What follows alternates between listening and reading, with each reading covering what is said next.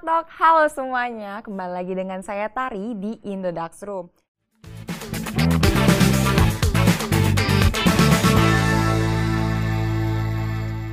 Tanpa berlama-lama lagi nih ya, langsung aja kita mulai sharing session Indodax Room kali ini bersama Pak William. Halo Pak, selamat Halo, malam. Tari, selamat malam. Apa kabar Pak? Baik, baik. Terima kasih loh Pak udah datang di tengah-tengah kesibukannya, udah menyempatkan datang ke Indodax Room. Saya yang berterima kasih Ustaz. Ya. Oke, jadi kemarin tuh ada eh, Pak Oscar Pak dari mungkin bap- eh, teman-teman juga udah pada join di Indodax Room Volume 1 kemarin. Jadi gimana nih Pak? Udah nggak sabar nih ya Pak ya? Ya, Udah siap kah. Pak menjawab pertanyaan-pertanyaan? siap nggak siap harus siap. Siap-siap nggak sih? Oke Pak, saya juga udah nggak sabar nih. Jadi kita mulai aja ya Pak ya.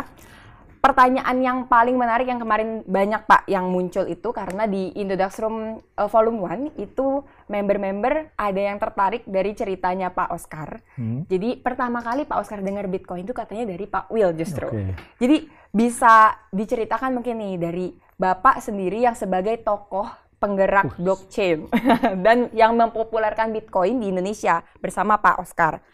Jadi dari mana sih Pak awalnya dengar kata Bitcoin dan awal-awalnya itu seperti apa? Ya, yang tokoh itu Pak Oscar. Eh, dulu nggak sengaja sih awalnya. Saya eh, dengar dari, saya baca di forum Reddit, kebetulan eh, sekitar tahun 2012, waktu itu saya member di forum Reddit, Eh, waktu itu Reddit belum diblokir seperti sekarang. Eh, ada artikel tentang Bitcoin, dan iseng aja sebetulnya baca, oh ternyata menarik, ya digali lebih lanjut, ternyata ini sebuah teknologi yang baru, kemudian eh, ada aset yang bisa dibeli. Ya sudah, iseng-iseng beli, terlanjur nyemplung, nah, semakin nyemplung ini dipelajari Lanjut ya, lebih ya? lanjut. Ya, betul. Oke.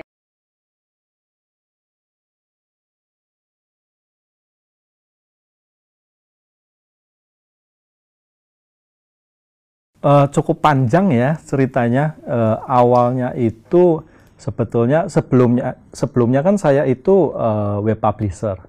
Jadi kebiasaannya jika ada suatu hal yang baru itu saya selalu cari eh, nama domainnya. Jadi kalau ada yang hal baru Bitcoin gitu, jadi saya cari bitcoin.com, sudah ada belum domainnya? Oh ternyata sudah dibeli orang. Terus eh, waktu itu masih awal-awal banget ada domain Bitcoin, eh sorry Bitcoin domain.id atau .co.id. Nah, saya langsung cari eh, bitcoin.co.id ternyata available. Langsung saya beli waktu itu. Kemudian eh, setelah itu kan eh, gimana caranya domain ini bisa hasilin duit. Jadi eh, waktu itu yang saya lakukan eh, domain ini saya isi blog, saya isi informasi seputar Bitcoin tapi dalam bahasa Indo- Indonesia karena saya lihat yang ada di apa di mana-mana di internet sih bahasa Inggris semua nggak ada yang bahasa Indonesia. Kemudian di blog tersebut saya nemu komentar eh, banyak sih bukan cuma satu dua cara beli Bitcoin gimana Pak? Gimana ini cara beli Bitco- Bitcoin kan? Gitu. Eh, dari situ saya nemu ide gitu bahwa ternyata nggak gampang beli Bitcoin di Indonesia. Jadi eh, ya mulai dari situ saya bikin eh, broker seder- sederhana namanya masih bitcoin.co.id untuk memfasilitasi orang-orang Indonesia yang mau beli Bitcoin di Indonesia. Awalnya ini sebenarnya dari habit aja ya Pak ya.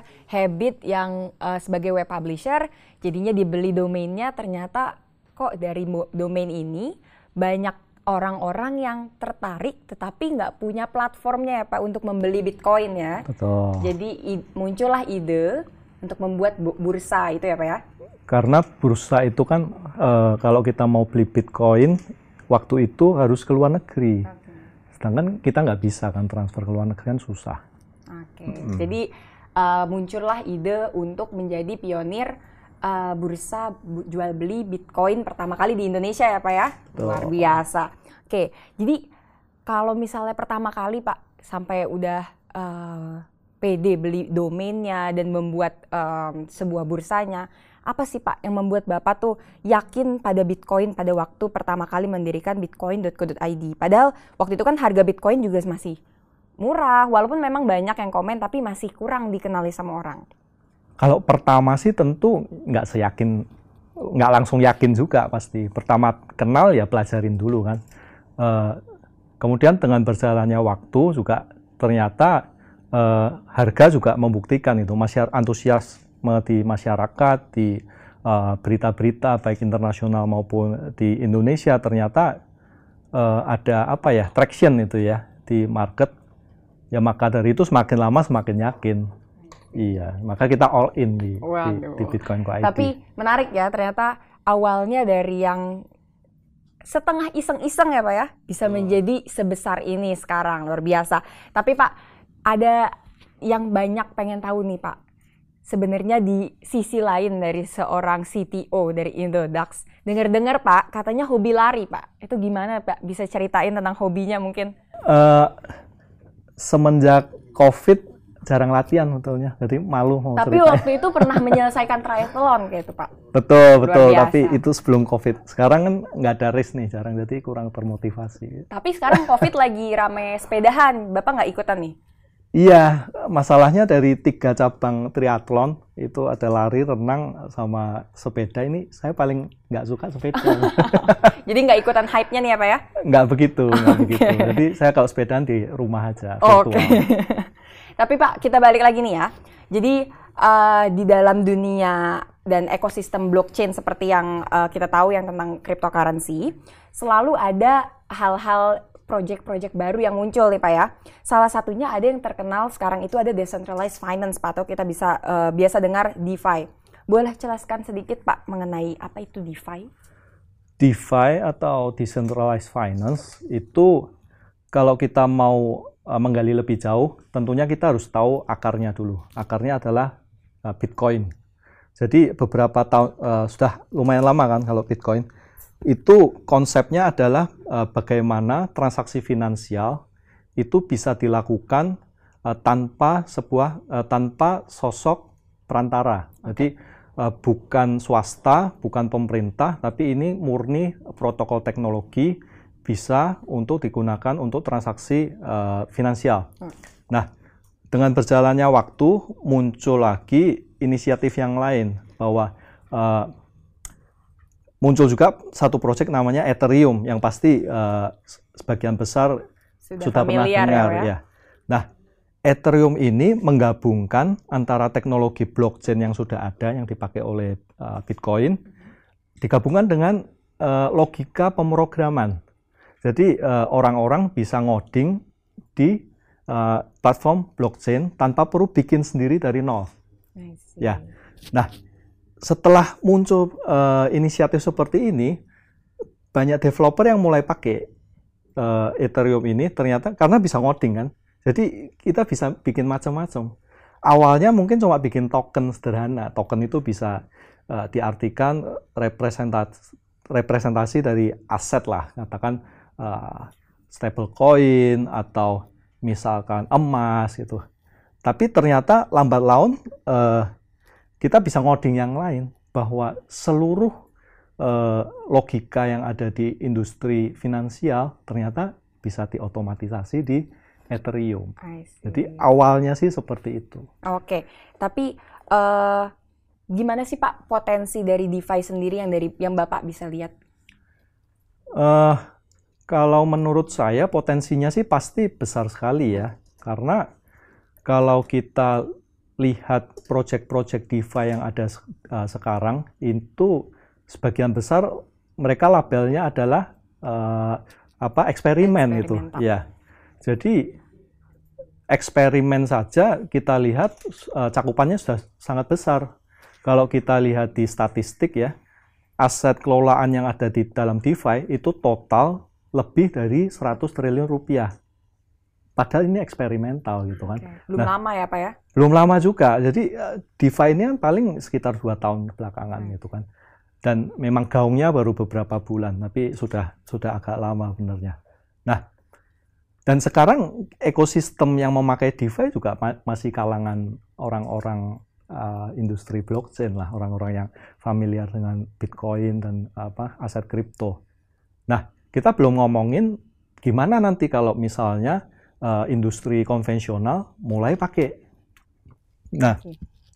makanya menurut saya sih prospeknya besar sekali potensinya Jadi, ke depan. Dan ada yang disebut proof of concept kan ya Pak ya? Betul, betul, betul. Jadi ternyata jalan ya Pak ya dengan terbuktinya DeFi ini. Ya, ya, ya. Ya, apa namanya? eksperimen itu kan sebetulnya proof of concept bahwa hmm. blockchain ini bisa digunakan untuk finansial betul. gitu. I see. Oke, Pak. Jadi uh, menarik ya tentang DeFi ini uh, walaupun sekarang lagi banyak uh, project-project yang keluar mengenai DeFi, ternyata su udah ada sekitar dua tahun ya Pak ya? Sekitar dua tahun, tapi memang gaungnya itu baru akhir-akhir uh, ini. Tapi bisa kita lihat harganya uh, melambung tinggi, uh, kelihatannya sangat uh, profitnya tinggi ya Pak. Tapi apa sih Pak ke kekurangannya dari DeFi? Apakah ada resiko yang besar bagi para penggiat aset kripto? Resikonya sih uh, menurut saya memang cukup besar karena tadi kan saya bilang bahwa uh, project DeFi ini masih eksperimental kan. Eksperimental ini dalam satu sisi artinya masih berkembang, tapi di sisi lain tentu membawa risiko. Uh, kenapa? Karena namanya project eksperimen itu kan masih muda kan, belum mature. Artinya ada kemungkinan bahwa ada bug, ya. Kalau ada bug, di sebuah platform finansial yaitu kan apa ya resikonya berarti uh, kerugian finansial gitu kan. Ya resikonya itu yang nomor satu. Yang nomor dua uh, DeFi kebanyakan sekarang itu berjalan di network Ethereum. Dan network Ethereum sendiri karena saking banyaknya project DeFi yang masuk dan uh, saking banyaknya user yang menggunakan Ethereum maka seperti ini ibarat jalan cuma dua ruas tapi ya kayak jalanan Jakarta ya, itulah. Ya, masih ya. ada limitasinya Betul. ya Pak. Ya? Ethereum itu uh, setahu saya limitnya hanya 15 transaksi, transaksi per detik. Gitu. Jadi dengan begitu antusiasnya masyarakat pakai ini ngejam lah dia. Ya. Hasilnya adalah uh, gas uh, fee-nya menjadi sangat tinggi, yaitu salah satu dari uh, resikonya juga I dari. DeFi sekarang. Tapi harga uh, dari proyek-proyek uh, DeFi yang ada ini, Pak, ini bisa mempengaruhi as harga aset kripto secara keseluruhan kah? E, bisa nggak sih DeFi ini meningkatkan harga aset kripto yang ada di masa e, masa yang akan datang? Kalau menurut saya sih e, pasti pengaruh ya, karena ini kan satu ekosistem besar nih, ekosistem kripto ya. ya. Dan apa pun yang terjadi di dalam industri kripto ya biasanya saling terkait. Kalau terutama uh, sentimennya dengan Bitcoin gitu. Kalau Bitcoin uh, anjlok biasanya ikut anjlok semua. Okay. Tapi kalau DeFi uh, dengan semakin banyaknya uh, project DeFi yang dipakai, semakin banyak orang yang tahu project uh, blockchain itu bisa dibuat uh, melakukan sesuatu di industri finansial, ini kan menaikkan keseluruhan ekosistem. Oke, okay. jadi tetap ada berkesinambungan ya Pak ya antara satu koin dengan yang lainnya walaupun memang koin yang lainnya itu bukan proyek DeFi ya Pak ya? Ya ya ya bisa. Oke. Okay. Hmm. Jadi terakhir nih Pak kalau dari Tari nih ya Pak, apa sih Pak harapan Bapak untuk ekosistem DeFi dan juga blockchain di Indonesia? Uh, kalau harapan pribadi saya, saya lihat uh, di ekosistem DeFi secara khusus maupun blockchain secara umum, kalau saya lihat sih uh, kita masyarakat Indonesia itu lebih seperti konsumer aja. Kita nonton kita ikut bertransaksi. Tapi jarang yang kita ngembangin. Itu ada memang ada project. Tapi uh, kalau kita bandingkan dengan negara-negara lain mungkin agak terbatas itu. Kalau harapan saya sih Indonesia ini kan populasinya besar sekali. Kemudian pengguna internetnya sangat besar. Uh, sebetulnya kalau ada project bikinan kita sendiri juga seru gitu loh. Oke. Jadi uh, harapannya adalah untuk uh, para penggiat blockchain di Indonesia juga tertarik untuk uh, terjun langsung nggak cuma jadi consumer ya Pak ya, tapi jadi developer juga. DeFi terutama. Untuk DeFi. Iya, karena ini yang lagi hot topic sekarang. Oke, atau Bapak ada sesuatu kali ini?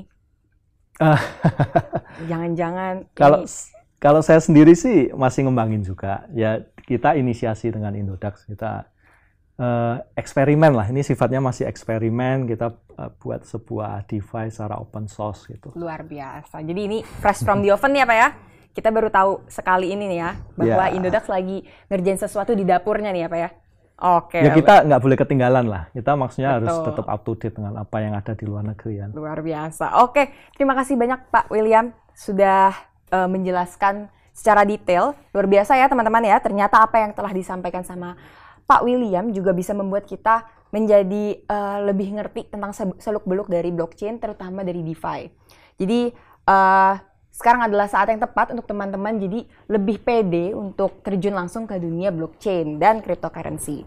Oke, selanjutnya Pak, kita teman teman-teman udah banyak nih Pak yang nyiapin pertanyaan langsung untuk uh, Pak William. Jadi tari mulai pertanyaan yang pertama. Oke, pertanyaan pertama Pak ada dari Aaron at AA Syaiful 86 dari Medan, Pak. Jauh-jauh. Terima kasih, Aaron dari Medan. Saya bacakan pertanyaannya. DeFi adalah topik paling tren di dunia aset kripto baru-baru ini, Pak. Beberapa orang menganggapnya sebagai inovasi yang hebat, sementara beberapa orang menganggapnya sebagai gelembung yang hebat. Bisakah berbagi pendapat dengan kami? Karena hype DeFi masih mengguncang industri, apakah ada punya rencana untuk pergi ke DeFi? Oh iya, itu pas nyambung sama nyambung, yang tadi. Pak.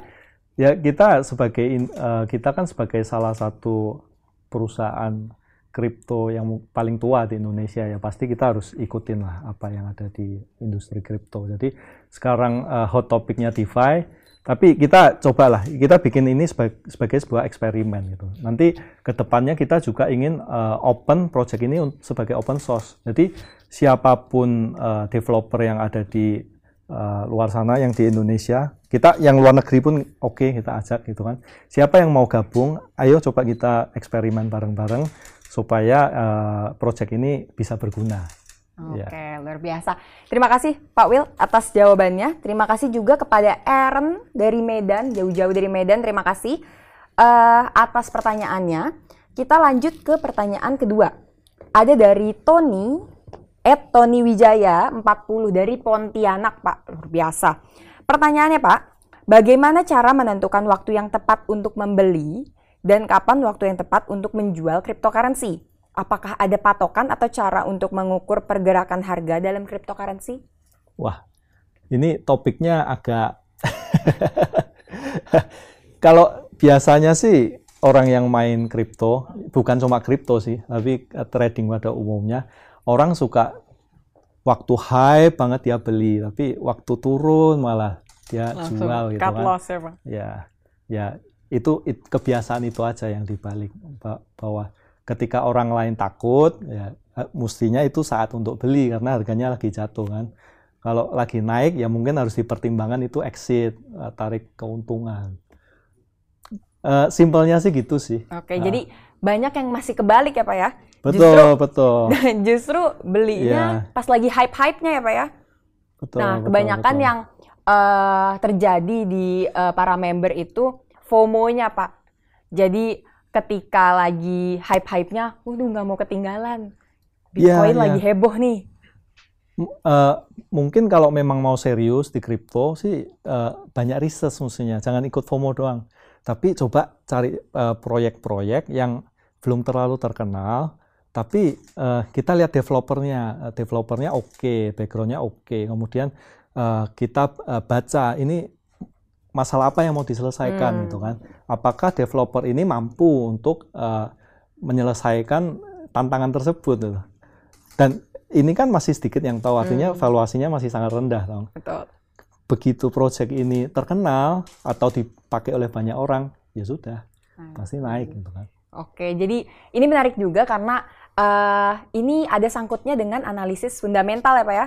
Jadi mungkin uh, untuk teman-teman yang masih uh, bingung cara beli dan cara jual bisa juga mengunjungi YouTube Indodax atau indodax.academy karena itu ada tutorial kapan saat untuk membeli dan menjual yang tepat. Nah, jadi uh, semoga menjawab ya pertanyaannya Tony uh, bagaimana cara menentukan waktu yang tepat untuk membeli dan menjual. Jadi uh, semoga bisa setelah ini menentukan waktu yang paling tepat nih untuk menjual dan membeli. Oke, uh, sekali lagi tadi mau ngingetin untuk mengisi pertanyaannya di uh, kolom Q&A ya teman-teman ya. Oke, kita langsung masuk ke pertanyaan ketiga. Siap Pak? Pertanyaan Oke. ketiga Pak. Ya, siap. Pertanyaan selanjutnya ada dari Fadli Ariski, at Fadli Ariski dari Cirebon. Pertanyaannya, jika Indonesia memasuki resesi pada kuartal ketiga, apakah berpengaruh terhadap harga kripto, Pak? Eh, iya. Eh, mungkin pertanyaannya sulit ya. Tapi kalau saya menanyakan saya pribadi, eh, ketika resesi saya pegang eh, porsi yang lumayan besar di kripto. Oke. Karena eh, saya percaya bahwa di aset kripto ini di satu sisi merupakan safe haven. Ya. Jadi eh, ketika resesi kan yang yang ingin kita lakukan adalah melindungi kekayaan yang kita punya gitu kan. Betul. Jadi ya kita kalau saya sih bagi-bagi aja ada yang di kripto, ada yang di eh, tradisional juga. Eh, tapi ya kita lihat long term atau short term gitu. Kalau kita lihat short term kayak kemarin eh, beberapa hari yang lalu eh, industri keuangan global kan memang turun semua. Ya ternyata terkerek juga. Tapi secara eh, secara overall kalau kita lihat sejak pertama resesi sampai sekarang kan overall naik. Betul. Jadi reboundnya pun lebih tinggi ya Pak ya? Betul, Kemungkinan untuk betul. reboundnya tuh lebih eh, lebih aman di- dibanding yang konvensional ataupun yang trading lainnya ya Pak ya? Oke, terima kasih kepada Fadli Ariski atas perta- eh, pertanyaannya. Terima kasih juga eh, udah jauh-jauh nih dari Cirebon malam-malam masih ngikutin In The Dark Room kali ini. Oke, kita langsung masuk ke pertanyaan keempat ya ada dari Rudi at Amrat Rudi dari Padang luar biasa. Pertanyaannya Pak, boleh tolong jelaskan teknologi blockchain se- secara sederhana? Karena sering juga baca berita blockchain ini tidak hanya dipakai di kripto saja. Pernah juga baca pemilu ada mau pakai teknologi blockchain. Terima kasih Pak William. Ya ini eh, detailnya mungkin nanti bisa buka di Indodax Academy.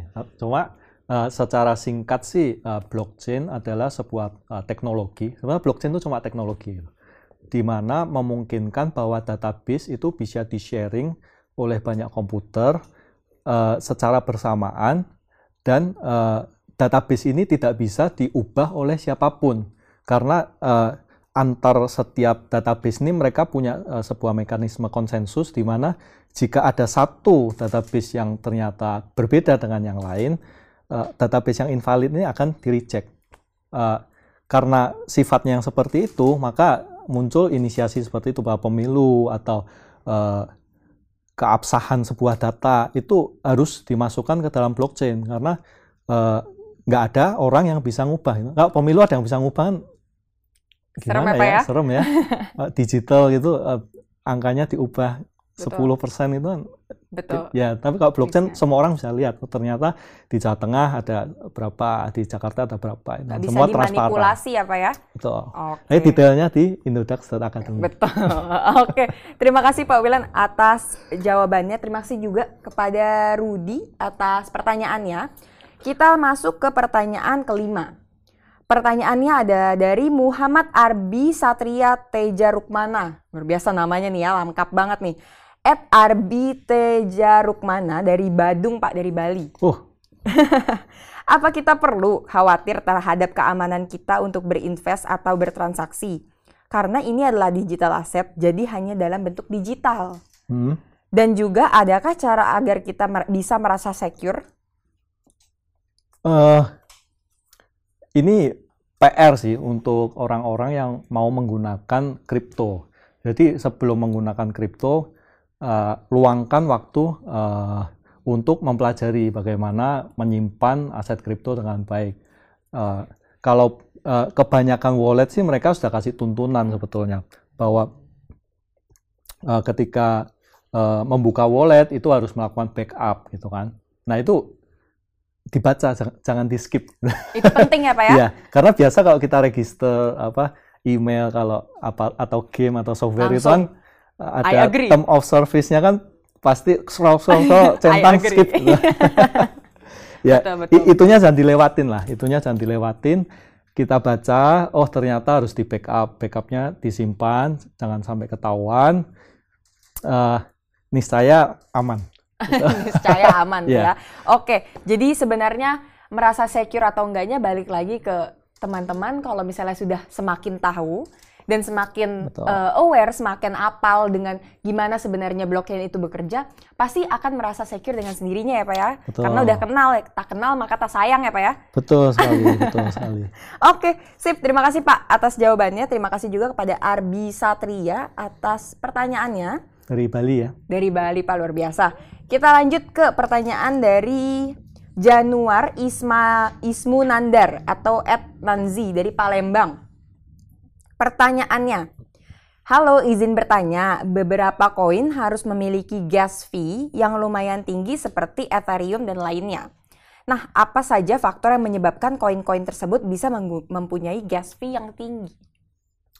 Uh, itu tergantung uh, dari smart kontraknya dari Ethereum, uh, dari projectnya itu sebetulnya. Semakin uh, semakin kompleks uh, smart contract yang ditulis oleh si pengembang, maka gas fee-nya juga akan semakin tinggi gitu.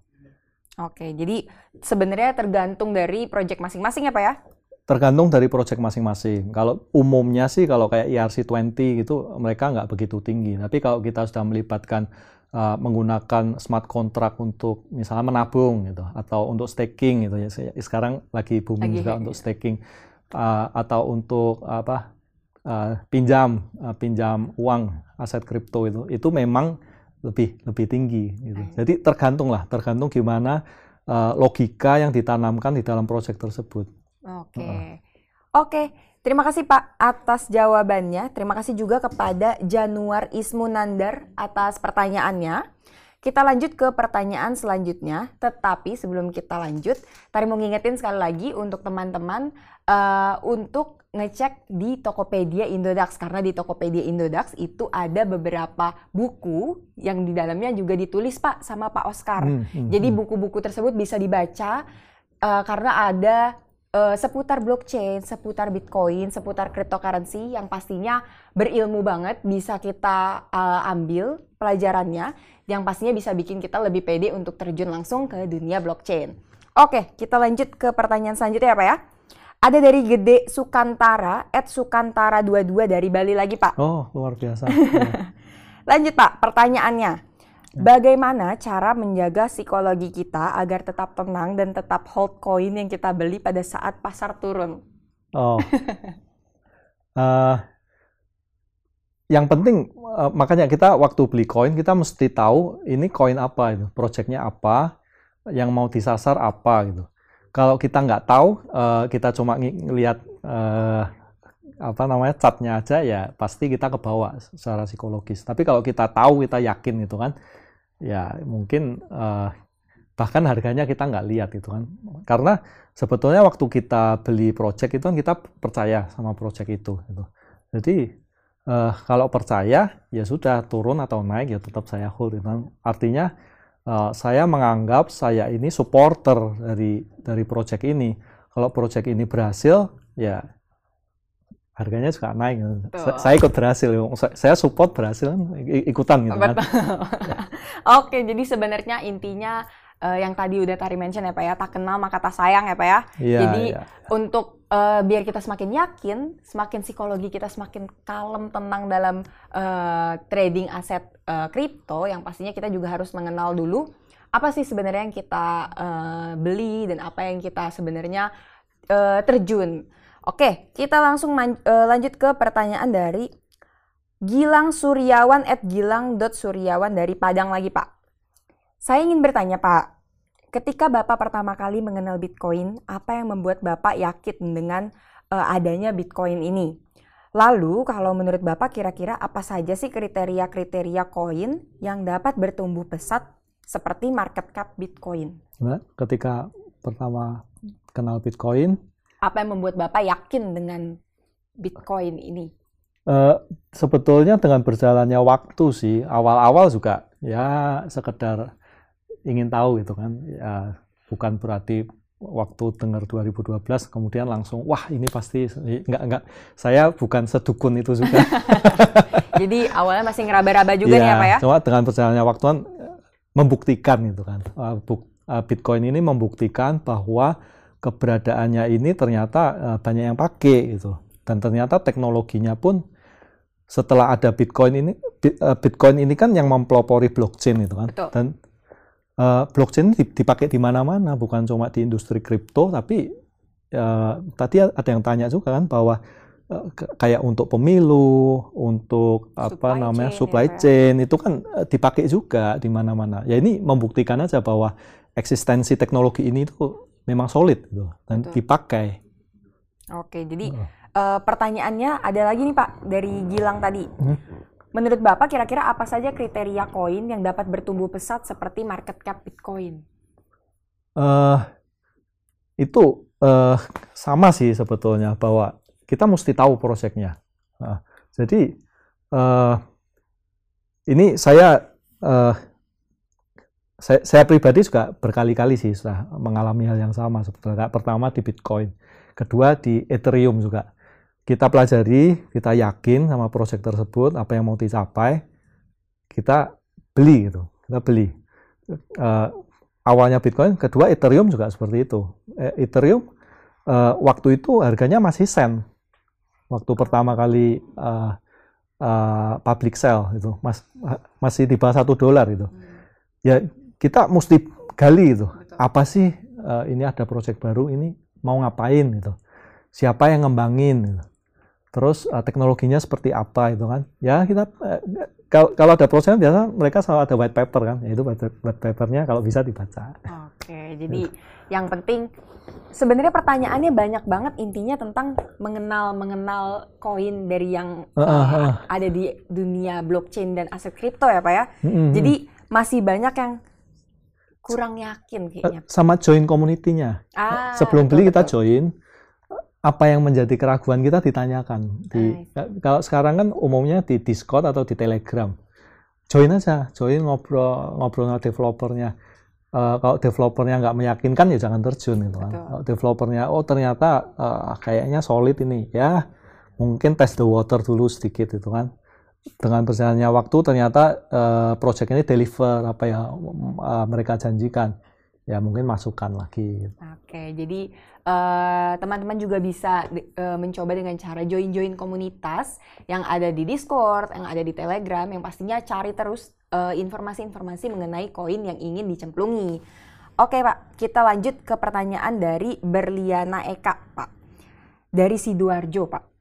Pertanyaannya ada dua. Nomor hmm. satu, bagaimana cara memilih aset mata uang kripto yang bagus untuk investasi? Yang kedua, apakah trading di Indodax dapat membantu kita memperoleh keuntungan hmm, walaupun hmm, hmm. sedang di rumah saja seperti saat ini? Ya, ya. Uh, kalau kita mau cari informasi seputar project-project itu eh, di Twitter banyak sih betulnya. Twitter atau kita ikutin aja berita-berita uh, seputar apa portal news seputar kripto. Uh, kemudian ya kembali lagi setelah kita dengar ya kita pelajari gitu. uh, jangan jangan cuma kita dengar oh kayaknya rame terus kita beli. Wah itu padahal itu lagi ya, di pucuk-pucuknya biasa, harganya. biasanya itu malah selalu lagi lagi tinggi tingginya ya ya mungkin nanti bakalan naik lagi tapi turun dulu baru naik. Oke. Okay. lalu apakah trading di Indodax dapat membantu kita memperoleh keuntungan Pak saat lagi pandemi gini lagi di rumah aja nih Pak? Ya, ini ini mungkin uh, saat yang tepat ya karena uh, ini kan something that we can do at home. Tuh. jadi uh, asal catatan saya juga asal asal jangan beli itu dipelajari juga bahwa uh, ada koin ini kita pelajari uh, ada prospek baru kita beli nih saya naik niscaya ya, niscaya naik niscaya profit ya niscaya ya? profit itu. oke jadi sebenarnya uh, yang selalu kita uh, campaignkan juga adalah di mana trading uh, di Indodax ini bisa dengan mudah Pak di mana saja dan kapan saja ya Pak ya, ya, ya walaupun ya, ya. di tengah-tengah uh, saat lagi work from home atau lagi stay di rumah aja di tengah-tengah pandemi ini justru saat yang tepat untuk jemplung ke dunia aset kripto karena uh, meraih keuntungan ketika di rumah saja itu bisa dilakukan ternyata jika kita mempelajari betul mengenai aset kripto yang ingin kita cemplungi. Oke, kita lanjut Pak ke pertanyaan dari Richard Icat Pak. Dari Sorong, Papua Barat. Wah, terima kasih nih ya Richard sudah menonton. Pertanyaannya adalah, apakah ada pengaruh ketika saham IHSG naik turun dengan cryptocurrency? Uh, pengaruhnya sedikit ya menurut saya. Uh, pengaruhnya lebih banyak ke global sih. Ya semua pasti saling terkait Ada, lah ya. ya. Kalau global uh, jatuh biasa SGN juga ikut gitu kan. Kripto bisa ikut bisa enggak. Ini okay. ter tergantung sentimen market juga kalau kita lihat. Kalau awal-awal uh, resesi, awal-awal uh, COVID itu kan uh, global turun, kripto malah naik. Gitu. Betul. Tapi uh, minggu terakhir ternyata uh, global turun, kripto ikut turun. Ya kita mesti inilah kita lihat sentimennya di masyarakat seperti apa. Gitu. Oke, okay, nah. jadi sebenarnya pengaruh atau tidak uh, ada sebenarnya pengaruh tetap pengaruh, ya Pak ya. Pasti pengaruh. Cuman tidak selekat itu hubungannya ya, Pak ya. ya, ya. Oke, terima kasih kepada Richard atas pertanyaannya. Ini kita ada pertanyaan lagi yang menarik dari Rasmani at daichi.yt dari Indramayu. Pak, bagaimana sih cara bagi pemula untuk memprediksi pasar akan PAM atau DAM? Agar tidak salah langkah. Mohon dijelaskan, Pak. Hmm, pasar akan PAM atau DAM? Uh, ini pertanyaan sulit. Kita nggak bisa predict the future ya, Pak ya? Iya, uh, faktornya banyak sih. Hmm. Ya salah satu kita bisa lihat sentimen sentimen global juga. Uh, uh, apa namanya? short term kadang-kadang ngikutin uh, global turun, kripto uh, juga turun gitu kan. Tapi kalau project per project itu sifatnya melekat di project tersebut gitu. Jadi uh, kita susah juga mau mau prediksi kan karena misalkan gini uh, sebuah project uh, luar biasa bagus, luar biasa bagus, uh, developernya solid, kemudian uh, penggunaannya utilisasinya banyak sekali. Tapi tiba-tiba uh, ada hacker itu ya kita nggak bisa dukun pun nggak bisa nebak ada ya. hacker itu di tengah-tengah jalan ya, ada hacker gitu. ternyata ada bug gitu Betul. ya aduh ya gimana ya itu sesuatu yang nggak bisa kita prediksi gitu cuma ya uh, asal inilah maksudnya kita sudah tahu project itu biasanya akan recover eh. jadi kalau saya sih mindsetnya long term soalnya jadi pump and dump itu kalau untuk orang long term eh, nggak uh, ada gitu. Karena melihatnya prospek berapa tahun ke depan. Gitu. Ada ngaruh sama supply demand-nya nggak sih Pak? Pasti, pasti ngaruh. Ya itu salah satu yang bisa uh, dicek juga mungkin, betul. Tari, Tari tahu banget. Tari udah. Jadi ada ngaruhnya ya Pak ya? Ya pasti. Ya apa? namanya uh, kalau project uh, DeFi ataupun blockchain itu kan kita bisa lihat sirkulasinya dan uh, dari uh, developer project developer mereka juga pasti kasih schedule kan bahwa uh, rilisnya itu tanggal sekian itu akan uh, supply-nya akan rilis berapa ke market cara rilisnya seperti apa kepada siapa. Nah itu kita pelajari bahwa uh, ternyata tanggal sekian akan rilis uh, katakan 30% dari supply, tapi project tersebut ternyata uh, nggak nggak ada perkembangan apa-apa, mungkin akan drop. Jadi kemungkinan besar akan drop karena itu hukum ekonomi uh, konvensional Betul. bahwa ada supply, demand-nya tetap, harga drop gitu. Pasti. Ya, tapi uh, sebaliknya kalau ternyata nggak ada berita apa-apa tentang supply, tapi uh, ada utilisasi baru dari project tersebut, atas token tersebut, artinya demand-nya naik, supply-nya tetap. Menurut ilmu ekonomi, harga naik. Ya. Oke, jadi sebenarnya uh, kembali lagi ke teman-teman kalau misalnya uh, ingin menggeluti satu uh, aset kripto atau ada koin yang memang dituju, silahkan dibaca-baca lagi mengenai koin tersebut karena uh, pengaruh naik PAM atau DAM satu aset kripto itu nggak bisa semuanya dalam satu satu project PAM misalnya nih Pak, belum tentu semuanya langsung PAM ya Pak ya. Ada dia satu yang bisa di tengah-tengah uh, semuanya lagi market merah ya Pak ya. Dia mungkin ada mengeluarkan project yang utilitasnya berguna benar ya Pak ya. Betul. Di tengah-tengah itu bisa aja dia ternyata PAM sendiri gitu. Oke, terima kasih kepada siapa tadi ada dari Rasmani pertanyaannya luar biasa. Ini ada yang menarik lagi nih Pak. Jadi dari Inodax Room yang kemarin, ada yang pertanyaannya belum terjawab, dia langsung nge-email Pak. Oke. Okay. Di email bahwa uh, dia masih ada pertanyaan. Tolong oh, saya, dijawab. Saya, saya jawab pertanyaannya Pak Oscar. jadi ini harus dijawab Pak. Mohon izin Pak Oscar untuk menjawab. Oke, ini jadi ada ya. pertanyaan Pak, minta huh? dijawab dari Indodax uh, dari uh, Ozi X Pinang dari uh, Ozi X Pinang at Gmail. Jadi Pak, pertanyaannya Pak, apakah volume dari kripto bisa mempengaruhi harga kripto itu tersendiri? Volume dari uh, kripto bisa mempengaruhi harga kripto.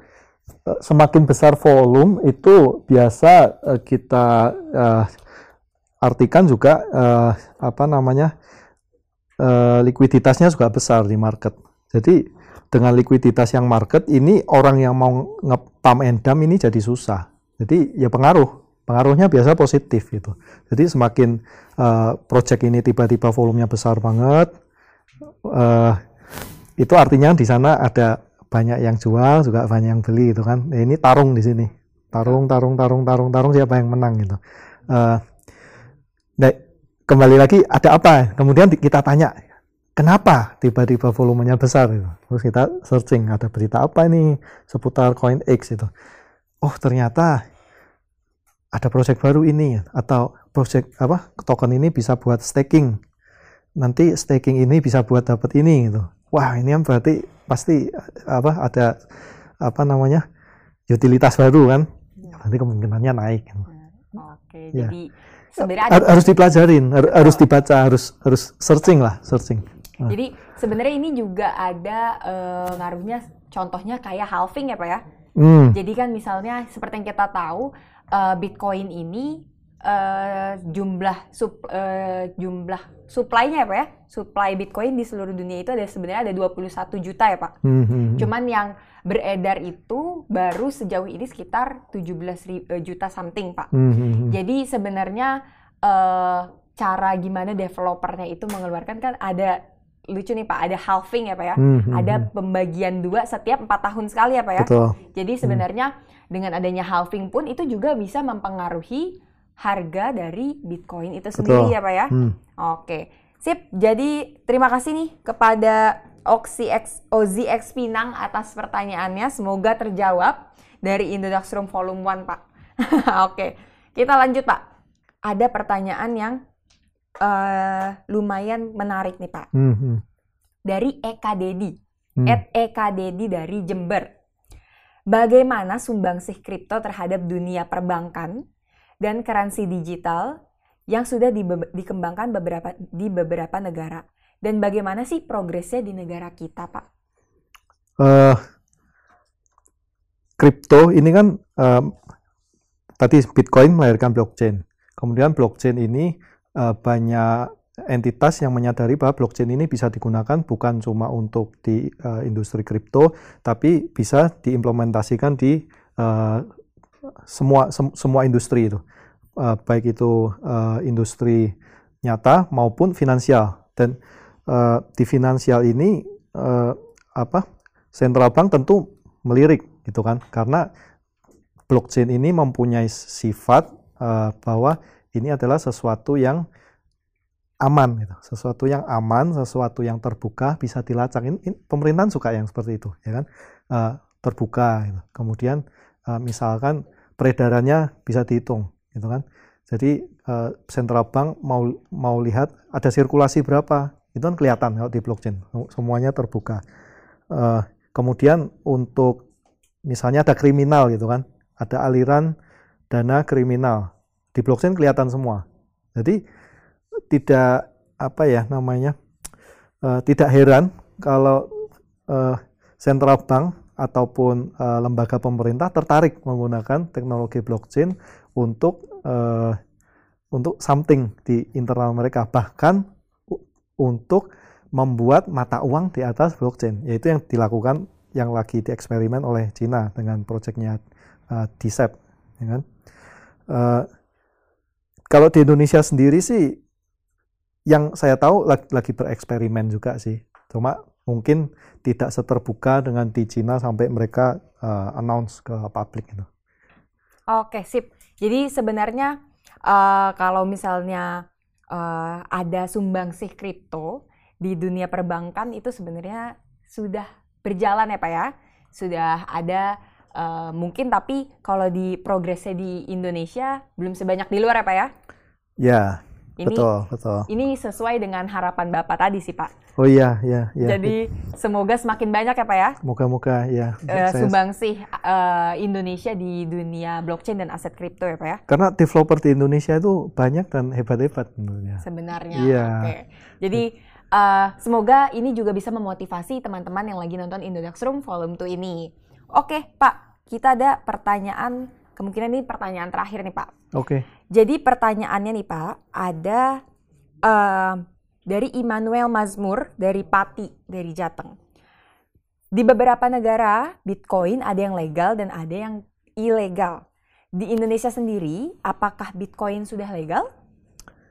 Di Indonesia sejak 2019 sudah legal uh, Bitcoin dan semua cryptocurrency itu diatur di bawah Menteri Perdagangan dan diawasi oleh Bapepti. Dan okay. jawabannya legal. Jadi ya. aman ya Pak ya? Aman dan, dan Indodax kalau, sendiri nah. salah satu perusahaan yang uh, sudah terdaftar di Bapepti. Oke, jadi aman lah ya Pak ya pokoknya. Kalau misalnya teman-teman datang ke website Indodax pun di homepage kita juga ada ya Pak ya. Betul. Kita uh, sudah dapat BSI juga ya Pak ya? BSI. Oke. Menarik nih ya. Jadi sebenarnya apakah sudah legal di Indonesia? Tentu sudah.